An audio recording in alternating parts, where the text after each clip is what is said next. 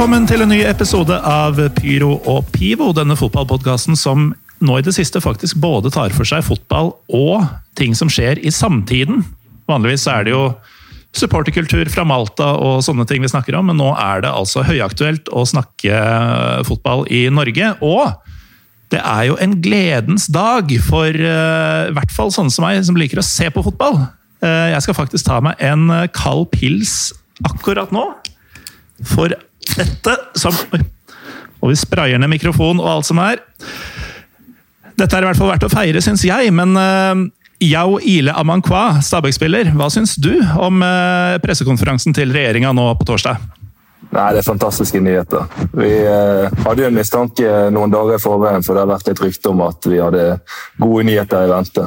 Så, men det var veldig godt å få det bekreftet. Nå har vi endelig en dato å forholde oss til, sånn at vi kan uh, fokusere på å bygge form, formtopp fram til det, og, og sånn at vi er best mulig forberedt når fløyten går i den første kampen.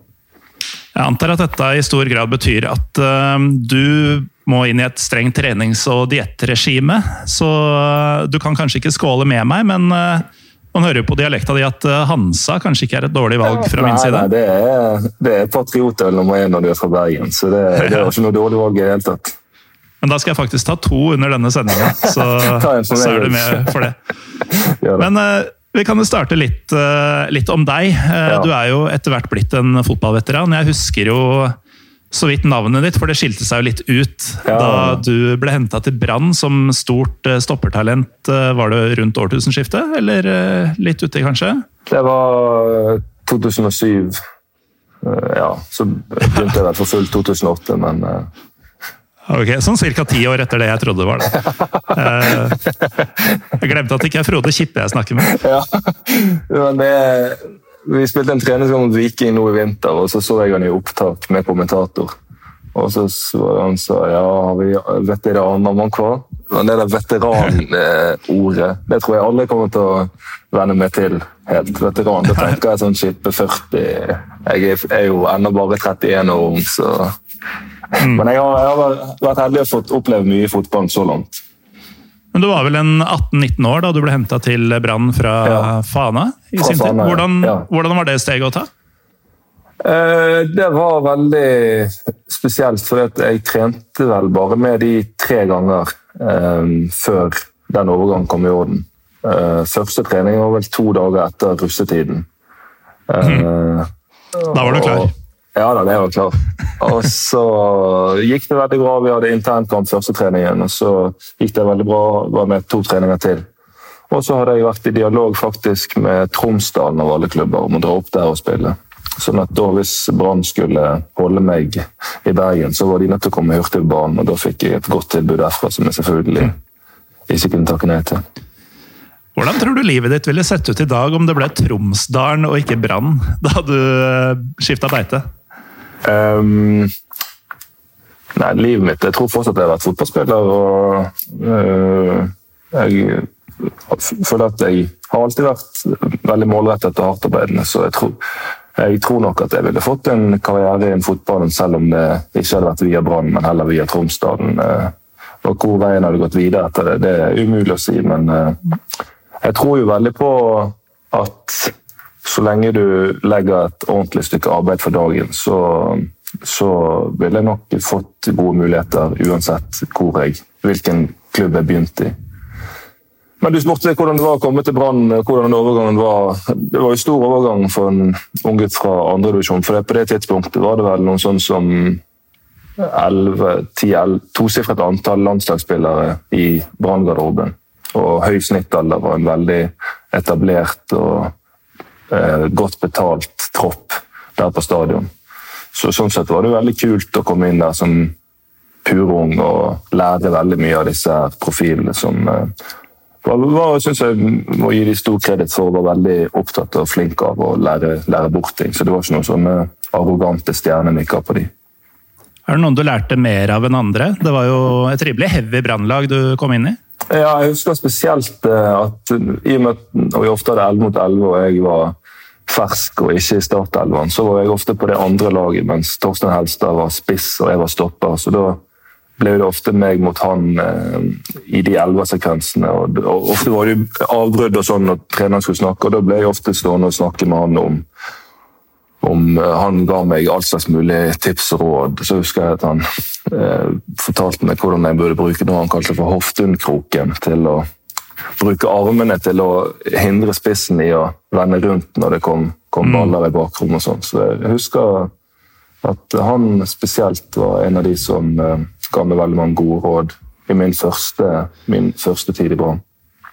Er det vanlig at uh, man gir holdt på å si, fienden tips? Jeg føler liksom at uh, når man ser uh, på Champions League-studio, så snakker man til Rune Bratseth som gammel midtstopper. At han alltid skal være på lag med stopperen hvis det har vært en straffedebatt, f.eks. Og man snakker til gamle keepere. Ja, sånn, ja. Men Nei. Torstein Helstad Spissen lærte altså deg viktige ting som, som ja, en slu tror... forsvarsspiller? Ja, jeg tror Jeg var ydmyk og lærevillig, så da har jo de gutta masse å lære bort. Så jeg sugde jo bare til meg som en svamp. Eh, og det var han jeg nevnte nå, men det var Asak Kardas og Erik Bakke og mange flere Huseklepp og mange flere som jeg syns uh, ga meg mange gode råd som jeg har tatt med meg og brukt i spillet mitt. Er det, altså, nå vet jo ikke jeg hvordan dette foregår, men det virker utad som at du har fått en sånn type rolle etter at du kom til Stabæk. At nå er du som er en rutinert eh, mm. leder eh, ja. som, som, kanskje viser de yngre gutta hvordan det funker. Eh, henger dette sammen med hvordan du selv ble tatt imot i Brann? Hvis det er riktig? Ja, i den forstand at jeg satte så stor pris på de gode rådene som jeg fikk når jeg kom ung og kanskje litt usikker til Brann, så prøver jeg å, å, dele den kunnskapen jeg har. Men jeg pleier å si i Stabæk, for det er jo ofte sånn spørsmål at jeg eller vi eldre, vi godt voksne spillere, skal lære bort ting til de unge. Men jeg føler at jeg lærer ting av de unge òg. For dette er jo noen av de beste unge spillerne vi har i landet. Sånn at eh, jeg prøver å lære de ting, og så prøver jeg samtidig å plukke opp ting fra de. For de har jo fått en mer oppdatert skolering innenfor fotball enn hva jeg har. Sånn at eh, mm. jeg føler egentlig det er vinn-vinn at det går begge veier. Men selvfølgelig, og spesielt når det kommer til forsvarsspill og de unge forsvarsspillerne, så prøver jeg å, å, å gi dem noen gode tips og, og triks i forhold til det. Men uh, grunnen til at du er med her i dag, Jau, er jo fordi um, vi uh, snakka litt i forrige uke i Pyro Pivo om at vi ønska å åpne fotballen igjen. Og nå har jo Abid ja. Raja og co. gitt grønt lys for det. Men altså Én ting er jo at supporterne savner noe å se på, mm. noe å føle. Mm. klubbene blør jo penger for hver dag ja. som det ikke spilles fotball. Ja. Men hva med dere? Altså, Hvordan har det vært å være fotballspiller som ikke har kunnet spille? Nei, Det har vært helt, helt utrolig merkelig. Vi var på treningsleir Marbella og trente som noen gale, og hadde gjort det siden januar. Altså trent virkelig som gale. Nok den tøffeste oppkjøringen jeg har vært med på. Var med meg og trente, trente på, og så akkurat når vi kom hjem, så bare eskalerte det med nedstenginger og det som var. Så tenker man først at det kanskje skal vare i to uker. Så nå har det vart så lenge. Og Den perioden begynte med en to ukers karantene der man kun skulle være hjemme og kun skulle være inne. Så mm. um, har vi jo i en liten periode trente vi i grupper, og så ble vi tatt ut i ferie tre uker. og så Nå var vi tilbake igjen i forrige uke, og nå endelig kan vi begynne å trene ordentlig igjen. Men det har vært eh, Altså både ensomt og frustrerende og merkelig og eh, Hva skal du si ja, En sånn usosialt. Eh, så blir man sittende med mange spørsmål som eh, Og det er jo meg som erfaren spiller, men eh, så er det jo sikkert enda mer kanskje uvant for noen av de yngre. Ja, for dere har jo rett og slett hatt uh, yrkesforbud. Uh, ja. Og samtidig så er det jo sånn at det har jo vært mye altså Skremselspropaganda er kanskje ikke riktig ord, da, men det har jo vært mye frykt i Spesielt de tidlige overskriftene i, i mediene. Mm. Og jeg, jeg, tenker jo litt sånn eh, Dere verker jo selvfølgelig etter å komme i gang med det dere driver med igjen, men mm. samtidig er det sånn at hvordan er det liksom frykt for å bli smitta og sånn? For nå blir jo dere satt på en måte i i en sånn prøvesituasjon. Da, som ja, men Det som er et veldig viktig poeng her, som jeg syns har blitt litt underkommunisert, er at eh, de sier det kan være risiko for vår eh, helse og karrierer. Eh, I verste fall eh, med dette her. Og Nå har jo FHI for det første sagt at det er minimal risiko å spille. men Altså en risiko for karriere, men det å skulle vente til det kom vaksine i 2021 eller 2022, eller til dette her er helt utryddet, som kan ta ett, to eller tre år, det vil jo i realiteten være karriereavsluttende. For at, uh, da vil jo stort sett alle klubber være konk, og alle som mm. jobber heltid innenfor norsk toppfotball, måtte søke seg karrierer i andre, i andre, sektorer. Sånn at Alternativet er jo, må vi være ærlige på at alternativet til å begynne igjen nå innenfor relativt få måneder, er jo karriereavsluttende. Mm. I forhold til det med risiko, så syns jeg at det har vært helt enormt å se det arbeidet som har blitt gjort både fra tror jeg kanskje noen av tiltakene var et forslag fra Brann til å begynne med. Også Lise Klavenes har jobbet hardt i kulissene, og NFF og norsk, norsk NIF og og, og, de her har jobbet i kulissene med det politiske spillet og så vært litt i forkant og proaktiv og foreslått noen uh, regler og sånn som kan gjøre at det blir helt minimal risiko for uh, smitte. og sånn. Og Det syns jeg har vært veldig kult å være i forkant istedenfor bare å sitte på ræven og vente på at det skal skje noe. Så som uh, norske fotballspilleres offisielle talsmann akkurat her i dag, så Eh, er det faktum at eh, trening er tillatt fra nå av og kamper fra midten av juni, det er soleklart tommel opp, eller?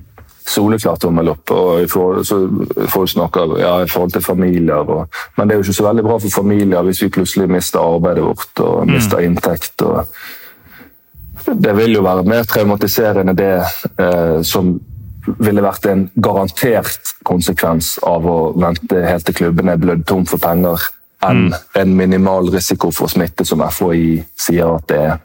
Sånn at uh, Disse tingene må jo veies opp mot hverandre, selvfølgelig, men uh, nå når vi ser på hvor bredt etter den pressekonferansen hvor bredt uh, det åpner, åpnes opp i alle sektorer, så, og når vi òg ser at det åpner opp i andre land, så syns jeg det ville vært helt hoderystende og mm. gjort spesial, negative spesialunntak for fotballen.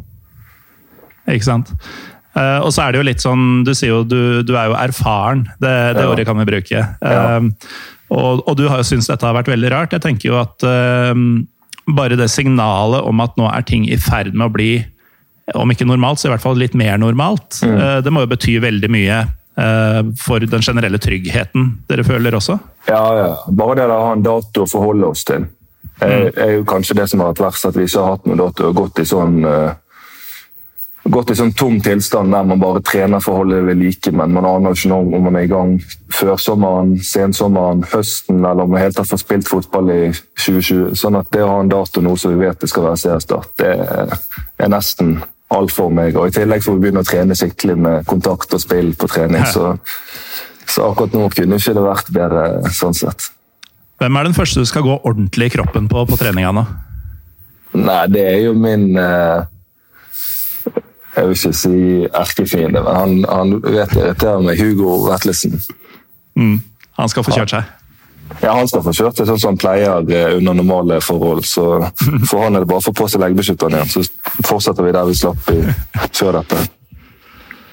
Men uh, altså, en av hovedgrunnene til at du, du, du er jo i det hele tatt mye i vinden for tida. Jeg så det var flere podkaster som kringkasta at du skulle til dem nå i nær framtid. Uh, ja, jeg har fått jeg har fått øynene opp for altså Jeg føler at mediene av og til uh, går i flokk. Som hvis nå hadde jeg egentlig en uttalelse forrige dagen med, med, ordkrig med Raja der, som bare var en journalist som skrev meg på Twitter mens jeg sto og lagde mat. Mm. Og så bare riffet jeg uh, ut noen setninger om, om det jeg syns. Og jeg det står jeg for 100 og så plutselig så var det jo forsidesak på VG og Raja med tilsvar der, så det var litt morsomt. Men, eh, men, det er vel det at man tør å mene noe som gjør at folk syns det er interessant, men eh, det er ikke noe sånn det er ikke noe sånn. Jeg føler at jeg må være i media for å ha en god dag, for å si det sånn. Nei, det, det Selv om det er veldig ikke. hyggelig å være her på podkasten. Ja, det, det sier de alle. Nei, men altså, En av grunnene til at du eh, blir valgt ut, da, både Mm. av andre og nå eh, her i Pyro Pivo, er jo at du, eh, du snakker jo mye utad. Ja. Ikke nødvendigvis for å være i vinden, men fordi du har ting å si. Og um, du, har jo, du er jo veldig opptatt av dette mentale innen fotballen. Har vi allerede snakka litt Ja. om eh, hvordan dere spillere har opplevd eh, yrkesforbudet. og Mm. Hvordan i hvert fall du og de du har snakka med, opplever uh, gjenåpninga som er i ferd med å skje nå. Um, Mm. Men du har eh, da en eh, På Twitteren din så har du en Mm. link til eh, Jeg kan ikke si den, men vi kommer til å legge den ut i eh, når vi legger ut episoden her, eh, for den er kronglete. Ja, Men, eh, men den går til en nettside hvor man kan melde seg på et nyhetsbrev. Ja, eh, riktig, riktig. Som rett og slett handler om eh, fotballspilleres eh, hva skal vi si, eh, syke, mentalitet. Ja, det handler om den mentale delen av fotballen som jeg syns er veldig spennende, og som jeg har lyst til å jobbe med. Og ha som min neste karriere etter fotballen, på en måte. Så det nyhetsbrevet handler om det. skriver jeg om forskjellige ting innenfor der. Nå sist så skrev jeg en tredels miniserie om hva vi kan lære av van Persie. Basert på en fantastisk podkast-episode han, han gjorde. og så prøvde jeg å trekke ut eh, mine takeaways fra, fra det, som jeg fikk eh, god respons på. Sånn at eh, for de som eh, syns at det er interessant med den mentale delen av enten det er fotball eller prestasjon, så vil jeg komme med en eh, anbefaling om, om Ja. å følge det nyhetsbrevet. Litt skamløs markedsføring. Ja, men det, det er det vi er til for. Eh, Ja. Jeg driver med litt av det samme selv, eh, må jeg innrømme. Men Ok. eh, en, en ting man kan lese der, er at du etter et forholdsvis langt fotballiv mener at Mm. det mentale er det aller viktigste Ja. for å lykkes. Altså, er det virkelig det aller viktigste? Jeg vil si at um, alle de egenskapene du har som spiller, både taktiske, tekniske og fysiske, ehm, de er jo avhengig av at det fungerer godt mentalt for at du skal kunne få ut eh, få ut potensialet, få ut potensialet som spiller. Og så er det liksom Opp gjennom karrieren så har jeg sett så mange eksempler på spillere som av forskjellige grunner ikke har vært i nærheten av å prestere opp mot sitt potensial. Eh, og da er det ikke fordi at de fra uke til uke er blitt mye treigere eller fått gått fra silketouch til steintouch. Da er det fordi at det er mentale faktorer som spiller inn. og Det kan være alt fra prestasjonsangst til, eh, til at det bare litt for de uforklarlig knytter seg eller ja, stokker seg. plutselig folk som eh, ser ut som ballerinaer på trening, plutselig utrolig klossete når det virkelig gjelder. Ja, Den klassiske man ser eh, ting på trening, og så får han det ikke ut i kamp. Ja, Eh, og så er det jo når du hører måten typisk trenere i media snakker på. Ja, vi var ikke på fra start, eller vi ble preget av presset, eller Ja, det er jo tusen sånne der, eh, typiske quotes fra kamper. Så handler jo det alt det om det mentale. Mm. og så er det det som gjør at jeg blir veldig trigget, er at snakkes mye om både direkte og indirekte, men det jobbes veldig lite med. Men selvfølgelig istedenfor å sitte og bare si det burde folk ta tak i, eller det burde noen andre gjøre noe med, så, så kan jeg like godt gjøre noe med det sjøl. Så det er den eh, reisen jeg har begitt meg ut på nå eh, siste par årene. Men eh, altså det, det mentale Uh, Vi har fått et, uh, et spørsmål fra en, Ja. en som jeg omtaler som to tredjedeler, to tredjedeler av Pyro og Pivo-redaksjonen. Trym Hogner, okay. som for øvrig har Ja. bursdag i dag. Ah, ja, ok, Gratulerer med dagen. Gratulerer, Trym. Han lurer på om du har inntrykk av at unge spillere mentalt kanskje har blitt svakere i dag pga. uh, sosiale medier kjører, at det der jaget for oppmerksomhet og likes, eh, det som han omtaler som Paradise Hotel-samfunnet. Eh, s- merker du noen forskjell på eh, unge spillere da du selv var det, og de unge spillerne nå? Jeg tror det er feil å si at de, de har blitt svakere mentalt, men det er jo eh, enda flere forventninger Eh, sånn som f.eks. prestasjonsangst jo veldig, er jo veldig tett knyttet til eh, forventninger fra omgivelsene. Sånn at det er jo enda mer Du mye mer eksponert, enten det er som spiller på toppnivå eller, eller for, eksempel, for å bruke et eksempel fra Stabæk, så har vi akademispillere som har flere følgere på Instagram enn Stabæk fotball sin Instagram-konto har mm. totalt. Og det kommer jo med et sett med, med, forventninger som man kanskje ikke hadde for ti, ti år siden jeg slo gjennom, eller, eller uh, 20 år siden, eller ja. Sånn at uh, Jeg tror ikke det handler om nødvendigvis å bli svakere, men jeg tror kanskje at det er flere eller andre krefter og forventninger som påvirker uh, de spillerne som prøver å nå helt opp. Så det at det på en måte er flere umiddelbare distraksjoner, da, bare i form av å ha en smarttelefon kontra å ha en gammel Nokia som man hadde før, ja. gjør, det, gjør, det, en forskjell? Ja, og så er det jo sånne ting som kommentarfelt og, mm. og Altså Det har jo blitt veldig god tilgang for alle å ha en mening om det en driver med. Mm. Sånn at uh, Etter en dårlig kamp før så måtte du kanskje bite i deg at du fikk pinnen eller en toer på børsen i lokalavisen. Mens nå er det jo, i tillegg til det, som alltid har vært, så er det jo en haug med folk på Twitter. Han er ubrukelig, han må ut, han må han, mm. Hvorfor spiller han fotball? Bla, bla. Og selvfølgelig, etter hvert så lærer man seg til at det der er ikke noe å henge seg opp i eller bruke tid på, men, men jeg er sikker på at det er lettere sagt enn gjort. Uh, selv for erfarne spillere, men òg eh, enda mer for de unge. Mm. Ja.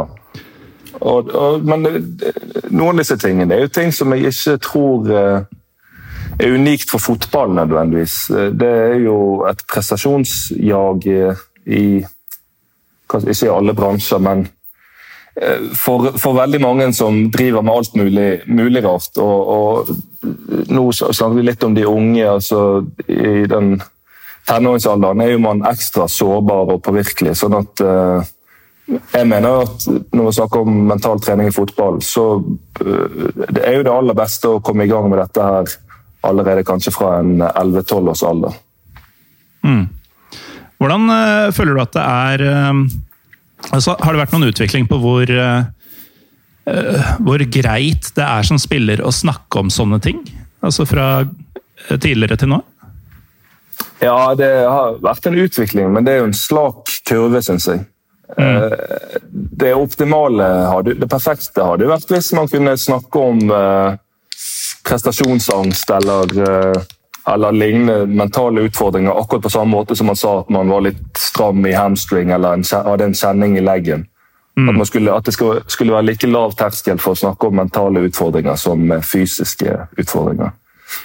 Så, men det er jo en del toppspillere som har stått frem. og Jeg husker spesielt uh, Per Mertesaker hadde et, uh, et helt brutalt intervju der han fortalte at han var helt ødelagt av det presset han hadde levd under, under så lenge. at Siste måneden i Arsenal så ba han om å få slippe å spille kamp. og Når han endelig da kunne legge opp, så var det en eneste stor lettelse. Mm. Og dette er jo en fyr som har vunnet VM og spilt på alle de største arenaene. sånn at uh, det at noen toppspillere tør å, å, gi den mentale delen av fotballen et ansikt, det syns jeg er kult. Men så er det jo ikke bare det. Altså En typisk misforståelse er at mental trening kun er for, folk, for spillere eller for folk som i gåsetegn sliter. Men kanskje det som jeg er mest opptatt av, er at det er prestasjonsfremmende. Sånn at det er jo mm jeg har fokusert mye på det sjøl og føler omtrent at det er som en juksekode. Uh, både i trening og kamp. Ja, hva da tenker du på? Um... Nei um, altså Jeg føler jeg opplever at jeg kan spille viktige kamper som jeg kanskje hadde blitt påvirket av før. Uh, og, og, klarer å hente ut mitt beste. Um, veldig ofte nesten enda mer når det virkelig gjelder. Og det er noe jeg tilskriver at jeg har hatt fokus på det mentale. Så bevisstheten din på det, viktigheten av det mentale har rett og slett gjort deg eh, til en bedre fotballspiller? Ja, uten tvil. For å gi deg et eksempel, så Tidligere da jeg var litt yngre, så jeg, trodde jeg at liksom det å gjøre seg klar til kamp handlet om å gire seg opp og høre på helt vill musikk. og være helt fyr og flamme ja, og inn mot kampen. Men så opplevde jeg ofte at når jeg kom til kampstart, så var jeg nesten allerede utslitt. For da hadde jeg gått liksom og fyrt meg opp i flere timer.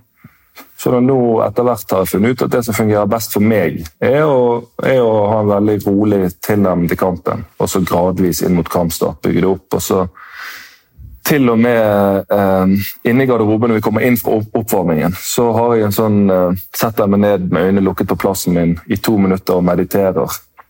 Som jeg tror ser eller spesielt ut for jeg husker det var noen spillere når jeg først kom til Stabæk som trodde at jeg hadde fått helt knekken før jeg skulle debutere der.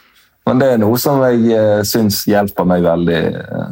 Men det er selvfølgelig individuelt. Hva som funker for den enkelte, er individuelt. Men det er noe, noen mentale verktøy som jeg har funnet ut i hvert fall hjelper meg eh, veldig til å prestere på mitt beste. Hva var vill oppladningsmusikk for deg for 10-12 år siden? uh, nei, det var vel kanskje sånn typisk skal jeg kalle russemusikk eller syre. Syre kaller vi bergensk. Syremusikk. Så du har blitt bedre på banen etter at du kutta ut syremusikken før kamp? Uh, ja, det vil jeg si. Det er, det selvfølgelig uh, Nei, det er kun derfor. Men jeg har blitt bevisst på hvilken modus og hvilket spenningsnivå jeg er best i. Jeg har blitt mm. veldig bevisst på det, og, og, og så bruker jeg det aktivt til å spille meg sjøl god. Og så Samtidig så ser jeg både med- og motspillere som når vi kommer i utrolig viktige kamper, er veldig preget fordi at kanskje de ikke har gjort noe bevisst for å håndtere den situasjonen. Og Det er jo egentlig helt unødvendig, for da får du et svinn i prestasjonen som kunne vært unngått. Uh, apropos det du var inne på i stad, dette med press mm. og større og mindre mm. kamper osv. Mm. Uh, en som heter Sander Lid Edvardsen, uh, trener mm. på lavt nivå. Han ja lurer på hvor påvirka blir spillere, og jeg antar at dette er eh, individuelt, selvfølgelig, men hvor ja. påvirka blir spillere av eh, kommentarer fra supportere, være seg egne eller motstanderes? Jeg antar at man hører noe i løpet av kampen? Uh, nei, jeg tror Jeg vet ikke om det kanskje er skuffende for motstandersupportere, eller hva, men jeg tror det er minimalt. Det er en del av jobben. Så hvis du skal la det påvirke det hele tiden, så blir det en lang, lang og tung sesong. Men selvfølgelig, hvis man har en ekstra dårlig dag, og så det blir sånn at de jubler hver gang du er i kontakt med ballen, og sånn, så, sånn som jeg ser de av og til gjør med keepere som har hatt en tøff dag på jobben, mm. så er det sikkert, da tror jeg at det er noe som eh, man fort kan bli preget av. Men sånne slengkommentarer fra tribunen, det er jo nesten bare gøy, syns jeg. bare søtt? Ja, men det er jo en del av gamet. Så hvis man får helt Hvis man ikke kan stå i det, så det kanskje, har man kanskje valgt feil yrke. Men hvis man uh, sier kampen er over, da, ja. uh, så kan vi ta to scenarioer her. Uh, ja, så... Dere har um, feid Molde av banen med ja. 2-3-0 ja, på Nadderud og går bort og tar imot ja. hyllesten. Um, hvor, um, hvordan opplever dere det? Altså, da, sånn, nå, nå tenkte jeg automatisk på det negative. Nei, nei. Altså, men, men, i forhold til støtte fra tribunen, så tror jeg det er noe som man virkelig, virkelig tar til seg underveis i kamp. Mm. Sånn, jeg husker f.eks. når vi skulle spille opp i Ranheim nå på tampen av forrige sesong. Iskaldt og litt, uh, litt forblåst stadion. Vi hadde mhm. ikke noe for vi, hadde, vi hadde jo bare fokus på våre arbeidsoppgaver. Og så plutselig når vi kom ut av spillertunnelen og skulle ut og spille kamp, så så vi et fullt uh, pyroshow borte hos Stabæk Support uh, på borteseksjonen. Og da var det sånn uh, Altså, da Jeg høres kanskje klisjéaktig ut å si at man ble varm inni seg, men det er sånn øyeblikk som jeg husker da følte jeg at jeg fikk et ekstra gir, og, og at vi ble Fikk en kanonstart på kampen. For det var litt sånn overraskende og veldig imponerende. og veldig, altså Du føler den støtten, det gjør du virkelig. Sånn at mm. Av og til kan det faktisk være for det På hjemmebane vet du at du er hjemme, og da er den støtten veldig, veldig fin. Men når den plutselig kommer på bortebane på en fjern arena, så blir det liksom sånn kanskje mm. noe ekstra. Men uh, tilbake til dette drømmescenarioet, da. Ja, tilbake til drømmescenarioet. når, når jobben er gjort, og dere, og dere, kommer bort til eh, tribunen der og vet mm. at uh, Nå er det for øyeblikket betingelsesløs kjærlighet til dere Ja, fra ja. alle som står der. Ja. Um, og, og dere kan slippe skuldra ned og bare Mm, ta det imot. Hvordan er den følelsen? Nei, den følelsen etter kamp å kunne dele tre poeng med supportere, og nå har jeg et sånt scenario oppe i hodet fra Nadderud. Supporterne der, litt sånn lav kveldssol. Motstanderne har tuslet av banen duknakkede, mens vi står rakryggede og, og, og, og deler den gleden med supporterne. Det er Det er altså egentlig det som vi spiller for og lever for. Og sånn som det er i toppfotballen, så er det altså Det er sånn at hver dag er en fest, for å si det sånn. Det er mer det at man ofrer mye og jobber veldig hardt for noen få utvalgte øyeblikk som, som man bærer med seg for resten av livet. Og det, det Sånn type så det scenarioet du beskriver der, det er sånn som jeg kommer til å huske til den dagen jeg stryker med. Sånn at det betyr veldig mye.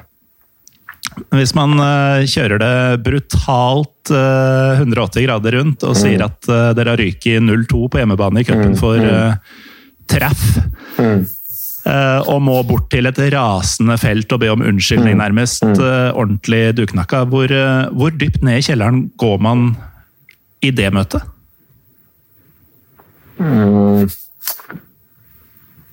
Nå skal ikke jeg fremstille meg sjøl som noen sånn supermann, men jeg prøver å gjøre mitt beste i hver kamp. Sånn at jeg føler aldri noe behov for å unnskylde etter noen kamp, for jeg har gjort mitt beste. Og Noen ganger er det bra, noen ganger er det dårlig, noen ganger er det veldig bra, noen ganger er det helt elendig. Og Hvis det har vært en av de kampene der det er helt elendig, så vet jeg fremdeles at jeg har gjort mitt beste. Så da får vi bare bort og så takke de for kampen for at de har vært der for å støtte, men, men det å drive og unnskylde seg eh, når man har gjort sitt beste, det driver ikke jeg med. Sånn at jeg, jeg, Det er skuffende for de, skuffende for oss. eh, Men eh, eh, så lenge man gjør sitt beste, så kan man leve helt fint med både seier og tap. Det er i hvert fall min innstilling. I, eh, nå er det jo sånn at jeg dessverre holder med Lillestrøm. Mm. Og klassiker der... Var du på kampen vår eh, i høst? Eh, Ja, den eh, Det var en jeg- Da fikk du en leksjon i fin fotball. Jeg så mer på, på det som tok fyr på tribunen. jeg. Valgte tidlig å, å fokusere på det. Ok. Men eh, Nei, det, det var fryktelige greier. Men, eh, men dere var flinke til å sparke den kvelden, det skal dere ha. Ja. Men i hvert fall der er det jo mer eller mindre tolv år sammenhengende ulykke, og en klassiker fra supporterne der er å si at uh, spillerne ikke har innsats, at de ikke gidder, at de Ja, må blø for drakta, sånne Ja. ting. Eh, hva, hva, hva sier du til sånne folk? Ehm, det som ofte ser ut som umotiverte eller giddeløse eller late spillere, det min opplevelse er ofte, veldig ofte forvirrede spillere. At det er en uh, usikkerhet rundt arbeidsoppgaver. Og, for at det, I all min tid i fotballen så er det de aller færreste tilfeller jeg ikke har opplevd spillere som ønsker å gjøre sitt beste, ønsker å spille på sitt eh, gode nivå og ønsker å vise seg fram på en god måte. Sånn at De gangene det ser umotivert uengasjert ut, så er det min erfaring veldig ofte ja, forvirrede spillere. og det, er usikkerhet på de konkrete arbeidsoppgavene. Det er usikkerhet på hvor problemene ligger. Det er usikkerhet på hvilke rom og eh, motstanderen sårer, eh, sårer han i. og Det er eh, ja, en del taktisk usikkerhet. Og så er det kanskje, hvis det er sånn som f.eks. Lillestrøm eh, Den kollapsen mot Start. Nå når vi var inne på det mentale tidligere, så kanskje noen forteller meg at de går fra å lede med en så stor ledelse til å knekke helt sammen. At det var fordi de ble sliten, eller fordi at det taktiske opplegget plutselig slo kjempesprekker, eller fordi at de umiddelbart fikk dårligere teknikk. Sånn at Når du spør meg hvor viktig er det mentale, så er det bare å gå tilbake til den kampen der og så se på den kollapsen. Og om hadde for... Og så mitt spørsmål da tilbake eh, kanskje du vet det bedre enn meg siden du er Lillestrøm-supporter, men eh, hadde de hvilke forberedelser hadde de gjort seg før denne kampen, altså rent mentalt? Eh, hadde de forberedt seg på et scenario der de går opp i ledelsen eh, og det sniker seg inn kanskje Start å får et mål, det sniker seg inn en frykt for at å nei, nå går alt galt. Hadde de forberedt seg på et sånt scenario og, og, hadde de planlagt hvilke arbeidsoppgaver de skulle gjennomføre hvis, hvis disse tanker, altså hvis det eh, inntraff? da? Det er mm. overhengende sannsynligvis ikke, for det, det var jo tydelig for enhver person som så på. Ja, om de, om de, hadde planlagt for et sånt scenario, så hadde de i hvert fall ikke forberedt seg godt på det. For um, man ser jo allerede på 4-1 at uh, nå er det slutt. Nå er det mm, mm, uunngåelig. Mm, uh, og man så også på 4-0 at spillerne de feira jo ikke bare en scoring eller en klar ledelse, de feira at nå var jobben gjort. Ja, ja. Når gjerdene kollapser sammen med supporterne og sånn på det 4-0-målet, så, så, er de i havn, de.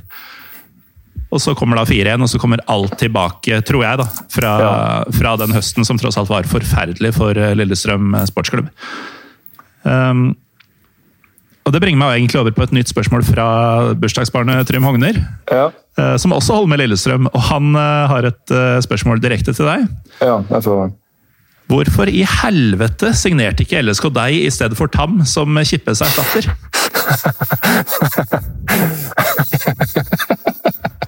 Var du noen gang på, på lista Nei, der, tror du? Jeg hørte, jeg hørte det var Sarpsborg og Stabæk som var på, på huggen da jeg skulle hjem fra Danmark. Så det, det må han spørre han Simon Mesfin om. Jeg, mm. Det kan ikke jeg svare på, men uh, når jeg ser uh, Hvis jeg skal være litt frekk i tilsvaret, så når i etterpåklokskapens lys, så er jeg veldig glad for det valget med å dra til Stabæk.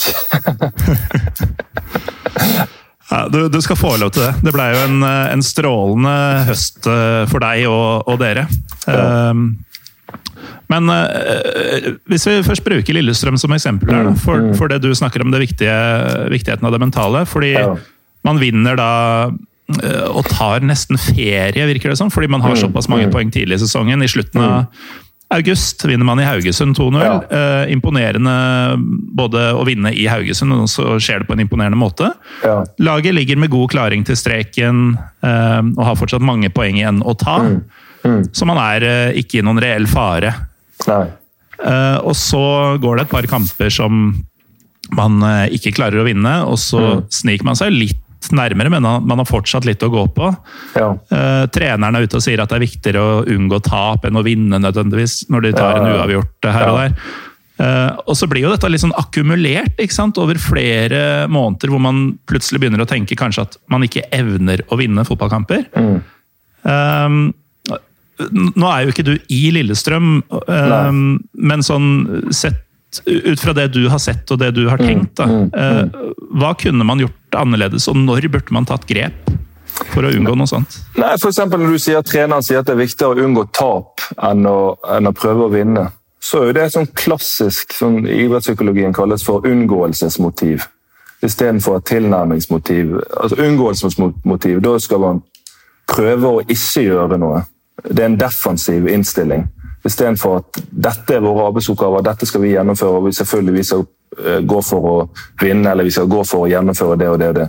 Men hvis det blir for mye snakk om vi skal ikke gjøre sånn ikke gjøre sånn, og ikke gjøre sånn, så er det en defensiv uh, unngåelses, uh, ja, et unngåelsesmotiv som all forskning på idrett og fotball og idrettspsykologi viser at gir dårligere resultater. Sånn at det å i det hele tatt uttale noe sånn viser jo mangel på kunnskap eh, i forhold til de mekanismene som foregår oppi spillerne og et lag eh, sitt hode. Mm. Eh, og hvis det da blir eh, kombinert med at man går seg inn i en sånn smørje der man bare mister mer og mer troen på, på at uh, dette skal gå. Og man fokuserer mer og mer på tabellsituasjonen og ser mer og mer på hva de andre lagene om de vinner eller taper. Så går konsentrasjon og fokus mer over på ting som man ikke kan kontrollere, og bort fra de tingene man faktisk kontrollerer. Kontra at hvis man mer sier 'glem tabellen', glem hvordan de andre lagene presterer. Det vi skal ha fokus på, det er å trene godt og så skal vi ha fokus på å legge noen gode arbeidsoppgaver og taktikker for kampene våre, og så gjennomføre de på best mulig måte. Det er det eneste som er innenfor vår kontroll. Um, og jeg har stor tro på at en sånn tilnærming ville gitt Lillestrøm bedre resultat og, og, og, kunne vært med på gjort at Lillestrøm hadde spilt uh, eliteseriefotball i 2020 istedenfor uh, Obos. Ja, for Det er vanskelig å tolke det som noe annet enn uh, en indirekte kommentar om at uh, vi er ikke gode nok. Vi må bare håpe at det ikke går gærent. Uh, sånn Ja, de tinga vi ikke kan kontrollere, da, må vi bare håpe jobber til vår fordel, for vi får ja, for ikke til da, dette selv. Ja, for du kan tenke deg at da er det på en måte som en, en, et skip som bare seiler av gårde, og så håper man at man kommer fram. Istedenfor mm. å sette seg i altså, så setter man seg i passasjersetet og så håper man at det skal gå bra. Istedenfor å sette seg i førersetet og brette opp armene og så ta kontroll over det man kan ta kontroll over. Uh, sånn at de mekanismene du beskriver uh, uh, Selvfølgelig blir bare spekulasjoner fra min side, men så, i retrospekt så syns jeg det er rart at det gikk sånn som det gikk. Mm. Men uh, litt tilbake til din uh, spillekarriere. Du har jo ja. uh, spilt uh, eliteseriefotball i Norge for tre klubber nå. altså Brann, Stabæk og Sandefjord. Ja. samt at du har spilt i Danmark for Hobro. Ja. hvordan er Altså, vi har vært Eh, synsa litt om det her i Pyro og Pivo tidligere, mm. om at uh, den danske ligaen antagelig holder et uh, ganske mye høyere sportslig nivå enn det norske. Mm. Uh, fordi det er mer penger i fotballen og, mm. og en mer kontinental tilnærming, kanskje. Mm. hvordan opplever du nivået nå som du er tilbake i Norge? Altså, Nei, jeg, jeg, jeg, er ikke enig i at det er mye høyere. Men jeg syns at kanskje at de fem-seks beste lagene i Superligaen Eh, syns jeg kanskje er bedre enn eh, de fem-seks beste lagene i Norge. Men, men, utenom det så syns jeg det er veldig, veldig likt. Um, og så syns jeg at i Superligaen så er det uh, kanskje mer flere lag som stort sett har veldig stort fokus på sin angrepsfotball og tenker på seg sjøl. Mens i Norge så er det kanskje mer fokus på defensiv organisering og og hvordan man kan demme opp for motstanderen. Mens, mens i Superligaen så er det mer fokus på å bygge opp sitt eget angrepsspill og så stole på det eh, nesten uansett. Mm. På en måte kan man si at det er mer utvikling, i hvert fall for offensive spillere. Men, eh, men den store forskjellen uh, syns jeg ikke. Jeg syns at uh, f.eks. sånn som Midtjylland og FCK synes jeg var vanvittig gode lag. Spesielt Midtjylland.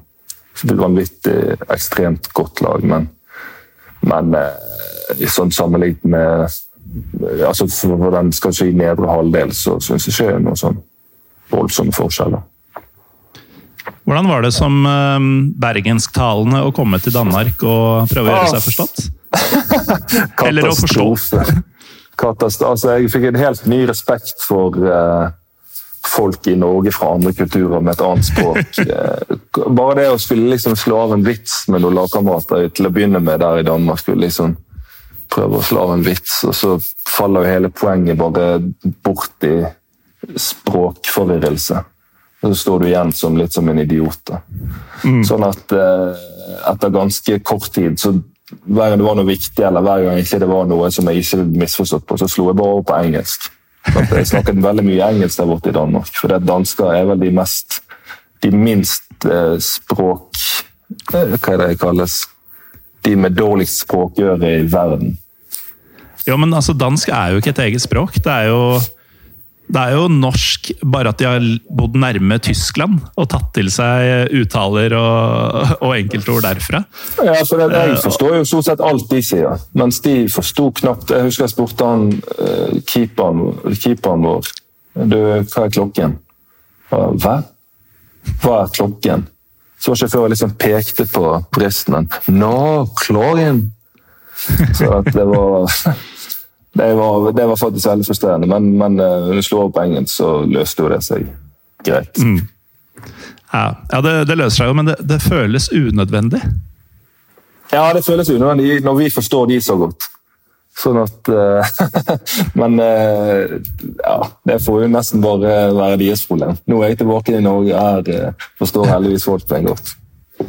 Ja, Men jeg har hørt, eh, og dette er faktisk sant, eh, lyttere som sier at når jeg har gjester fra Bergen eller bergensområdet, mm. mm. så slår de ned på 0,8 speed for å få med seg alt som blir sagt. Oh, ja. Det gjelder spesielt Knut Høybråten-episoden. Fotballagenten. Jeg vet ikke om det har vært noe borti ja, ja, han, snakker, han snakker jævlig fort. Han har hatt sånn agent sjøl. Altså, han er sånn jeg skulle Han skulle jeg gjerne ha slått ned på 0,8 sjøl når jeg snakker om han. Sånn at, men, men, det er verdt det for å få med, få med seg alle gullkorna fra, fra Knuts munn. Ja, han er legende. Han er legende. Han er fin, altså. Men i hvert fall, Yao, ja, eh, tusen takk for at du var med og kasta litt lys over hva, hva du og fotballspillerne eh, tenker om både det som skal skje nå, og det som har foregått de siste ukene. Eh, lykke til med sesongen, og be ønske også Hugo Vetlesen lykke til når dere møtes på trening. Tusen takk for at jeg fikk lov å være med, og veldig, veldig kjekt å prate med deg på en litt laidback og fin, fin, måte. Så det håper jeg at uh, lytterne dine får i hvert fall med seg en eller to ting fra denne samtalen som de syns uh, hadde noe verdi.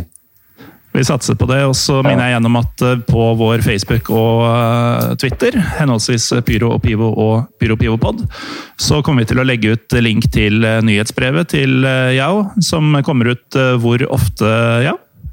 Eh, Ca. en gang i måneden. Cirka en gang i måneden, ja. med noen eh, velfunderte tanker om spillerpsykologi og, og, den mentale delen av uh, fotballspillet.